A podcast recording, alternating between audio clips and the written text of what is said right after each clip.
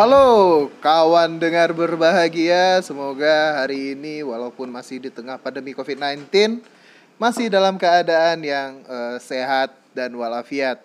Kalau tidak ya mungkin sekarang sedang berada di kamar isolasi kita nggak tahu. Dan semoganya eh, cepat diberikan kesembuhan ya. Pada podcast kali ini kita udah kedatangan seorang abang-abang kiri progresif yaitu eh, Lutfi. Lutfi ini seorang penulis di Gara.id. Jadi Gara.id ini merupakan media alternatif progresif luar biasa di Sumatera Barat, di Padang tepatnya. Dan beberapa tulisannya itu udah jadi beberapa pembicaraan di mana-mana ya, Pi ya. Alhamdulillah. Alhamdulillah. Oke, Lutfi. Mungkin mau nanya dulu kok sampai sampai dapat nama sebagai abang-abang kiri progresif itu gara-gara aktivisme atau gimana sih? Oh, nggak tahu juga ya, Bang Kiri Progresif ini dapatnya dari mana. Padahal saya cuman kerjanya cuman duduk-duduk doang. Ya, kan biasanya ya gini loh. Di zaman sekarang, orang kan banyak nih mahasiswa yang ngaku kiri, baca madilog, baca Oh, apa ki- gitu. Kiri itu yang gitu-gitu. Ih, emang emang dalam pikiran Lutfi itu Upi itu kirinya maksudnya kayak gimana sih? Ki- kiri ya, ya kiri. Kalau kalau di lam, di lampu lalu lintas itu kalau belok kiri ya jalan terus kan. Wah, ini anak ini lucu nih. Nggak maksudnya ini spektrum ideologi Oh, kiri dalam maksudnya. spektrum. Masa ya abang-abang abang-abang kiri progresif itu bawa motornya progresif belok kirinya kan nggak lucu. dalam dalam spektrum ideologi kiri itu dianggap eh, ajaran-ajaran yang intisari ajarannya itu lebih condong kepada eh, ranah-ranah humanisme bener nggak Jadi kayak nih kalau spektrum ideologi kan yang paling ujung kalau kiri anarko. A- anarko ya Anarko. Hmm. Anarko dong. Anarko. Terus yang paling kanan itu ada apa? ada Fasisme. fasis Fasisme. Jadi menurut Lutfi, fasisme itu tidak memiliki nilai-nilai humanisme artinya kalau kayak gitu kan? It- kecenderungan kecenderungan fasisme itu kan eh, kecintaan terhadap Nation. nation state, State. yang berlebihan gitu. Jadi eh, nantinya negara-negara di sana kebijakan-kebijakannya akan dipengaruhi oleh eh, hal-hal yang berhubungan dengan ke- kecintaan Terhadap terhadap, negara, negara itu ya. lebih dulu daripada eh, humanis atau ya. masyarakatnya gitu. Oh, ini bicara soal humanisme saya jadi kepikiran sama bukunya siapa? Noah Yuval Harari. Oh iya. yang ya sapiens. Dia Sapiens. itu kan menjelasin dia itu ah kebetulan dia juga jelasin humanisme disandingkan sama Nazi. Hmm. Nazi. Sebenarnya katanya human eh, Nazi Jerman walaupun itu fasis ya partai fasis, mereka juga punya eh, konsep humanisme. Jadi eh, bahasanya itu humanisme terhadap ras mereka, Ya, ras Arya. ya. Jadi me- mereka menganggap bahwa untuk menjaga humanisme itu harus menjaga kemurnian ras mereka. Ya itu kan bertentangan dengan humanisme Iya, lainnya. iya. benar-benar. Ya, Ya. bagi saya humanis itu tanpa batas ya, nggak ada batas ras, eh, agama, warna kulit, pandangan ideologi dan segala macamnya. Tapi ketika ya ketika huma itu adalah sebuah humanisme berarti itu tidak lagi ada batas-batas antara manusia itu sendiri gitu sih. kalau gue penasaran sama ini kayak gini, orang mikirnya kalau eh, humanisme itu artinya mencintai, mendahulukan kemanusiaan, mencintai sesama, gitu nggak? Kalau Upi mikirnya kayak gimana? ya humanisme itu secara lebih ya mungkin secara bahasa itu artinya eh, Human. human manusia cuman eh, secara prinsip humanisme itu sendiri tidak tidak berpatokan pada manusia saja gitu Oh, juga banyak eh, Makhluk hidup. makhluk hidup lainnya yang ada di sekitar kita kan Tapi kan misalnya eh, apa? eh, kecuali Upi berpandangan bahwa bumi adalah makhluk hidup, mungkin akan berbeda. Kayak karang eh terumbu karang tuh makhluk hidup ya? Makhluk hidup itu makhluk hidup dong. Tanah lah misalnya. Hmm. orang pakai tanah itu buat dikeruk buat eh, jadi bahan dasar bangunan. Tanah. Tanah kan bukan bukan makhluk hidup. Ya benar. Berarti kan hal yang mereka lakukan bener kan eksploitasi terhadap tanah. Tapi tanah kan menghidupi. Iya ini tanah menghidupi. Iya menghidupi kehidupan kan tanah. Hidupilah kehidupan ya kata Ya, kalau kata Mas Danto. Mas Danto tanah. ya gitu sih cuman humanis itu ya untuk hal-hal yang hidup dan menghidupi gitu. Ya menurut saya sih gitu. Dan ya emang nggak ada batas. Masalah eksploitasi pun sebenarnya eh, butuh batas-batasan pula kan. Sebenarnya kan tan- apa yang dianggap eksploitasi eksploitasi itu sendiri kan eh, pencarian sumber pemanfaatan sumber daya alam sumber daya alam. Cuman kan ada batas-batas di situ dalam pemanfaatan sumber daya alam kita harus eh, banyak faktor-faktor yang perlu di dipertimbangkan apakah nantinya akan benar-benar berdampak kepada eh, kehidupan masyarakat atau malah banyak mudaratnya untuk kehidupan masyarakat. Nah, bicara soal humanisme eksploitasi kan kan nggak cuma soal makhluk hidup nih tapi juga ada kayak eksploitasi terhadap buruh siswa Oh, menurut ya. Lutfi nih kita nggak bakal bahas soal buruh Ya. menurut Lutfi makasih Bakti menurut Lutfi eksploitasi terhadap mahasiswa di universitas atau kampus saat ini gimana sih kayak mereka membayar ini di tengah pandemi apalagi ya di benar. tengah pandemi mereka nggak mendapatkan fasilitas kampus secara penuh Hmm. tapi mereka banyak kampus yang masih membayar UKT harus secara penuh nih secara eh, nggak ada potongan. Nah menurut Lutfi apakah itu termasuk dalam eksploitasi terhadap eh, kemampuan manusia di tengah kesulitan seperti saat ini atau gimana Membahas masalah pandemi ini kan banyak semua orang berdampak gitu ya. ya eh ya dengan ya kita bisa mengukur eh, untuk persoalan UKT mahasiswa kita bisa mengukur UKT itu uang kuliah tunggal. uang kuliah tunggal SPP ya SPP SPP deh kita bisa mengukur eh untuk di situ ada hak-hak mahasiswa yang ketika mahasiswa membayar berarti di situ ada hak mahasiswa untuk eh, mendapatkan eh, haknya gitu. Ya. Misalnya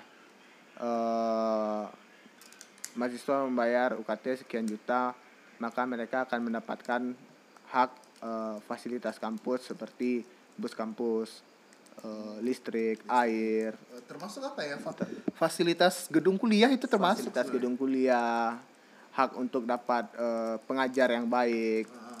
gitu Tapi di tengah pandemi kan itu nggak didapatkan secara penuh loh.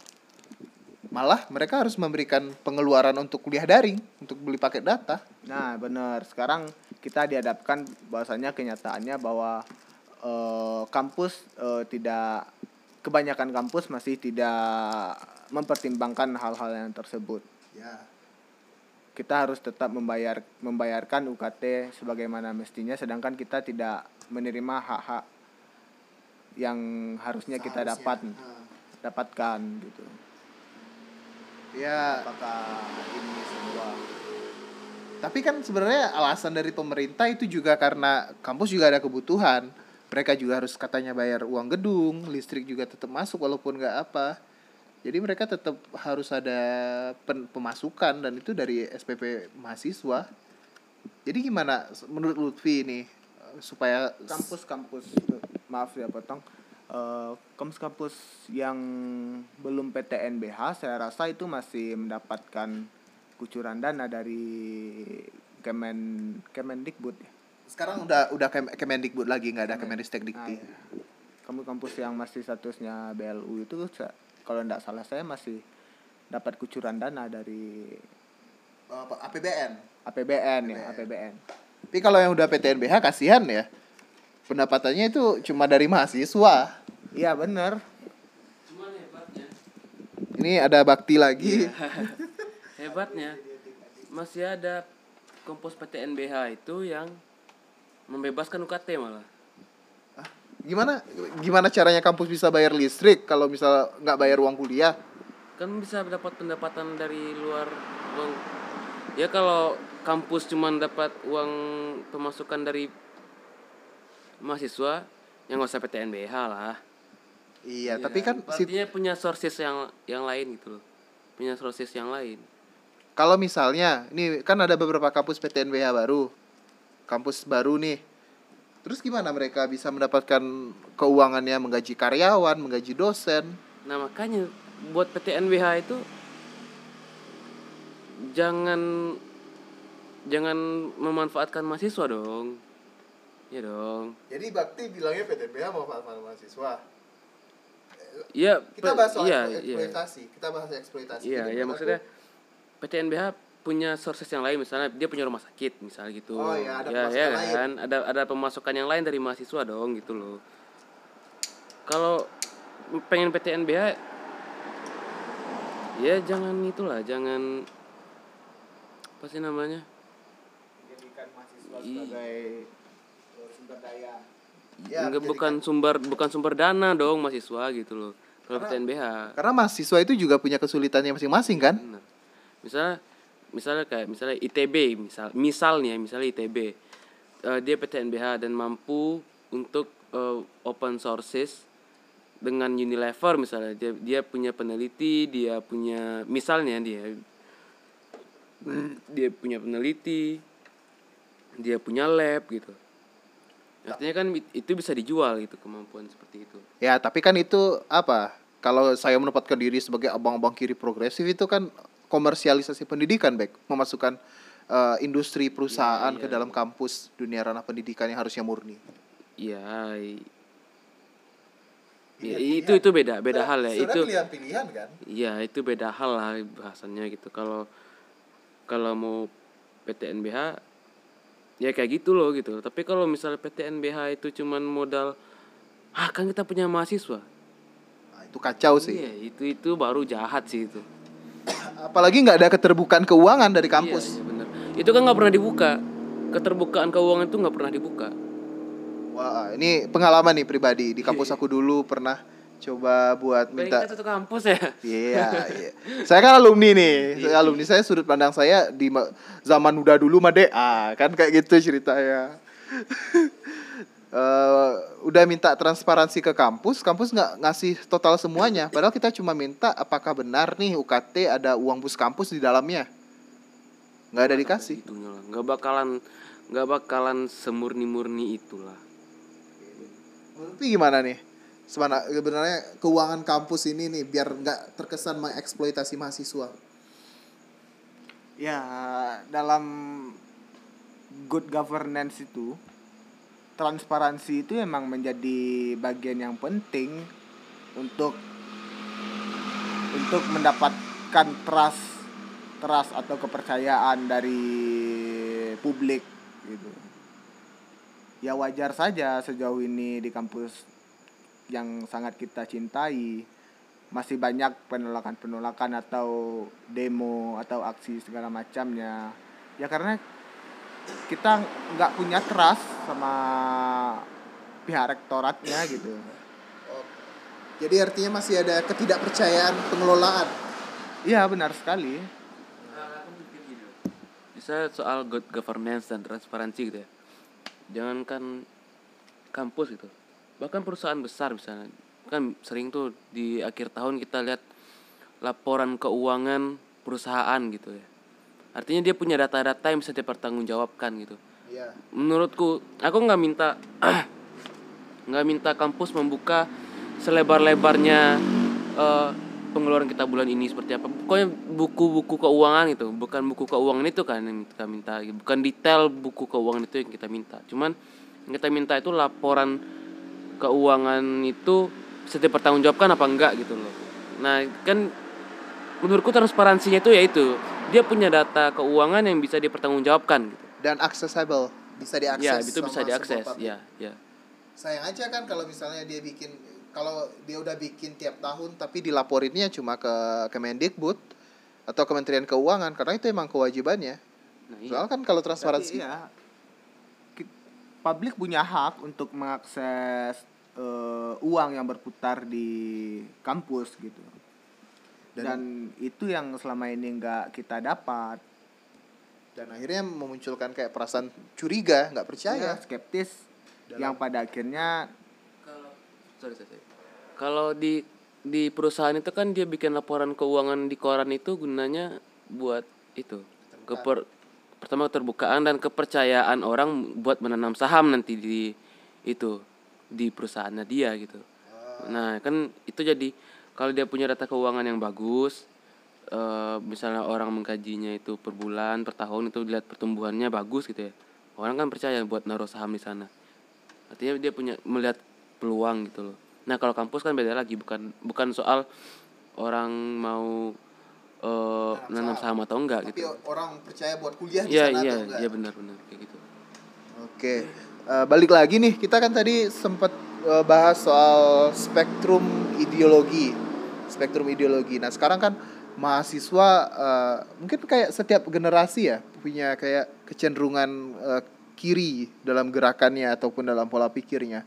Tapi pasca dari kampus mereka dihantam dihantam dibenturkan sama realita, dikasih kenyataan bahwa gini loh sebenarnya nggak seperti yang buku-buku yang kalian baca dan akhirnya mereka berkompromi dan eh, sedikit demi sedikit nilai-nilainya itu mulai tergerus dan makanya orang banyak yang bilang bahwa jangan terlalu idealis waktu mahasiswa.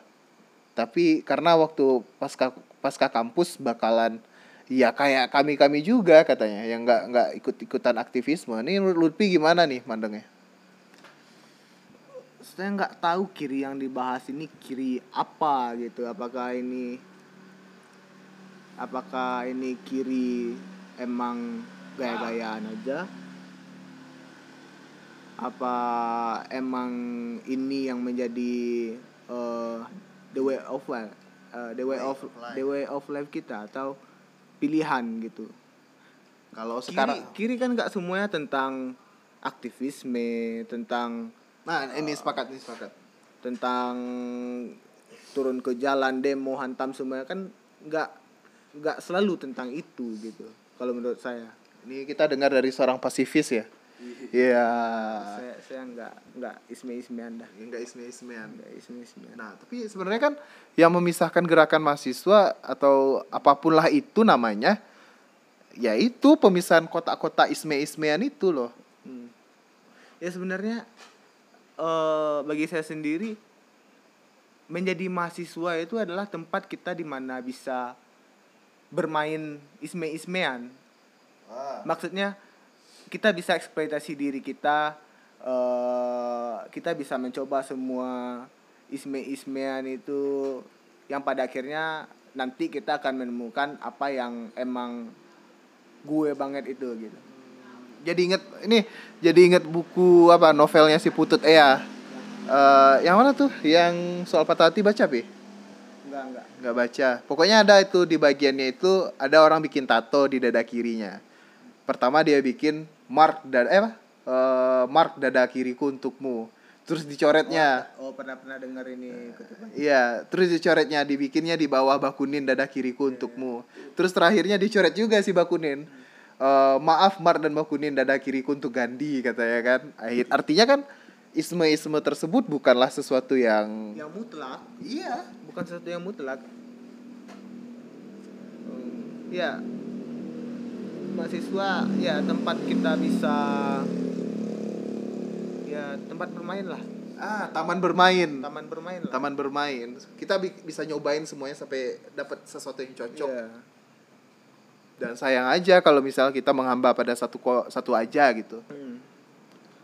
ya dan kembali ke realitas itu ke itu sebenarnya dikembalikan pada diri kita masing-masing bahwa apa sih yang selama ini kita dapat selama kita menjadi mahasiswa? Sedikit banyaknya pasti ada nilai-nilai yang masih bisa kita pakai dan banyak cara untuk berjuang gitu. Bener jadi menurut saya keliru ya kalau misalnya kita udah punya temen nih dari mahasiswa terus dia masuk ke eh, perusahaan kerja di perusahaan terus kita bilang dia ah budak korporat budak kapitalis dan yang lainnya kan banyak kayak gitu itu naif. Emang itu kan realitas loh terjadi loh bercandaan kayak gitu orang yang masih akhirnya eh, menyudutkan orang lain atas pilihan-pilihannya dan menurut saya itu hal yang keliru Ya karena sebelum kita memperjuangkan orang banyak, kita harus memperjuangkan diri kita sendiri dulu. Kita harus memerdekakan diri kita di- sendiri dulu. karena kita juga rakyat Kit- Ya, karena kita juga bagian dari masyarakat. Iya benar. Ini sepakat sih. Sama, Menurut saya gitu. sepakat sih sama hal yang kayak gini karena selama ini eh, kadang kita terlalu menghamba pada satu satu pemikiran sehingga pemikiran kita sendiri yang udah apalagi udah mahasiswa ya udah berproses 20 tahun dalam hidupnya langsung tergerus nilai-nilainya itu rata-rata dengan dinamika yang ada di kampus. Ya, benar. Nah ini mau nanya nih sama Lutfi dan Bakti. Buat dedek-dedek Maba 2020 Sekarang kan mereka nggak eh, nikmatin lagi masa awal perkuliahan di kampus seperti kita dulu. Apa sih pesannya supaya mereka ada gambaran gimana dunia kampus itu sebenarnya? Apakah mereka harus pilih isme-isme yang ada di kampus Atau gimana mereka menentukan pilihan? Siapa duluan nih yang mau ngasih tanggapan? Bakti? Eh, apa ya? Ya udah lakuin lah apa yang menurut anda benar. Dan semuanya kan diuji nanti. Kapan diujinya Bapak? Nanti pokoknya nggak tahu kapan nanti. Ini kata Peter Pan mungkin nanti ya. Eh, kalau Lutfi gimana? Buat pesan buat dedek-dedek maba 2020. Eh, nanti bisa pinjam buku ke saya. Ya, saya tidak ada lagi di kampus Dedek. enggak, enggak. Ya ya nikmati aja prosesnya.